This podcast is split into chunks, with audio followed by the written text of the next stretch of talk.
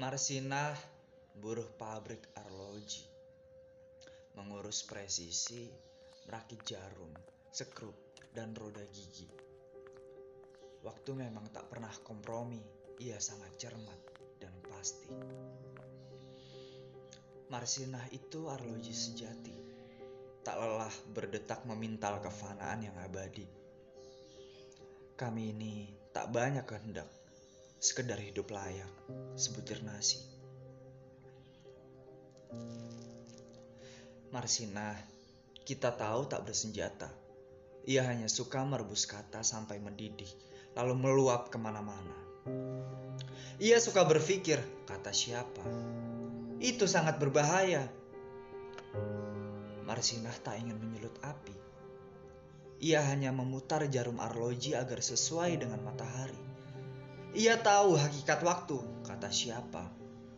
Dan harus dikembalikan ke asalnya, debu. Di hari baik, bulan baik. Marsinah dijemput di rumah tumpangan untuk suatu perhelatan. Ia diantar ke rumah siapa, disekap di ruang pengap, ia diikat ke kursi. Mereka kira waktu bisa disumpal agar lengkingan detiknya tidak kedengaran lagi. Ia tidak diberi air, ia tidak diberi nasi. Detik pun gerah berloncatan ke sana kemari. Dalam perhelatan itu, kepalanya ditetak, selangkangannya dia acak-acak dan tubuhnya dibiru lebamkan dengan besi batangan. Detik pun tergeletak, Marsinah pun abadi. Di hari baik, bulan baik, tangis tak pantas. Angin dan debu jalanan, klakson dan asap penalpot mengiringkan jenazahnya ke nganjuk. Semak-semak yang tak terurus dan tak pernah ambil peduli meregang waktu bersaksi. Marsinah diseret dan dicampakkan sempurna sendiri.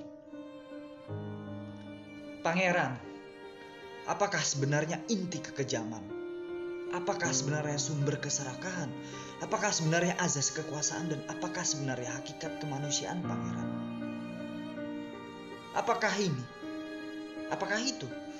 Duh, Gusti, apakah pula makna pertanyaan? Saya ini Marsinah, buruh pabrik arloji. Ini sorga bukan? Jangan saya diusir ke dunia lagi. Jangan saya dikirim ke neraka itu lagi malaikat tak suka banyak berkata. Ia sudah paham maksudnya. Apa sebaiknya menggelinding saja bagai bola sodok, bagai roda pedati? Malaikat tak suka banyak berkata. Ia biarkan gerbang terbuka. Saya ini Marsinah. Saya tak mengenal wanita berotot yang mengepalkan tangan yang tampangnya garang di poster-poster itu. Saya tidak pernah menjadi perhatian dalam upacara dan tidak tahu harga sebuah lencana. Malaikat tak suka banyak berkata, tapi lihat, ia seperti terluka.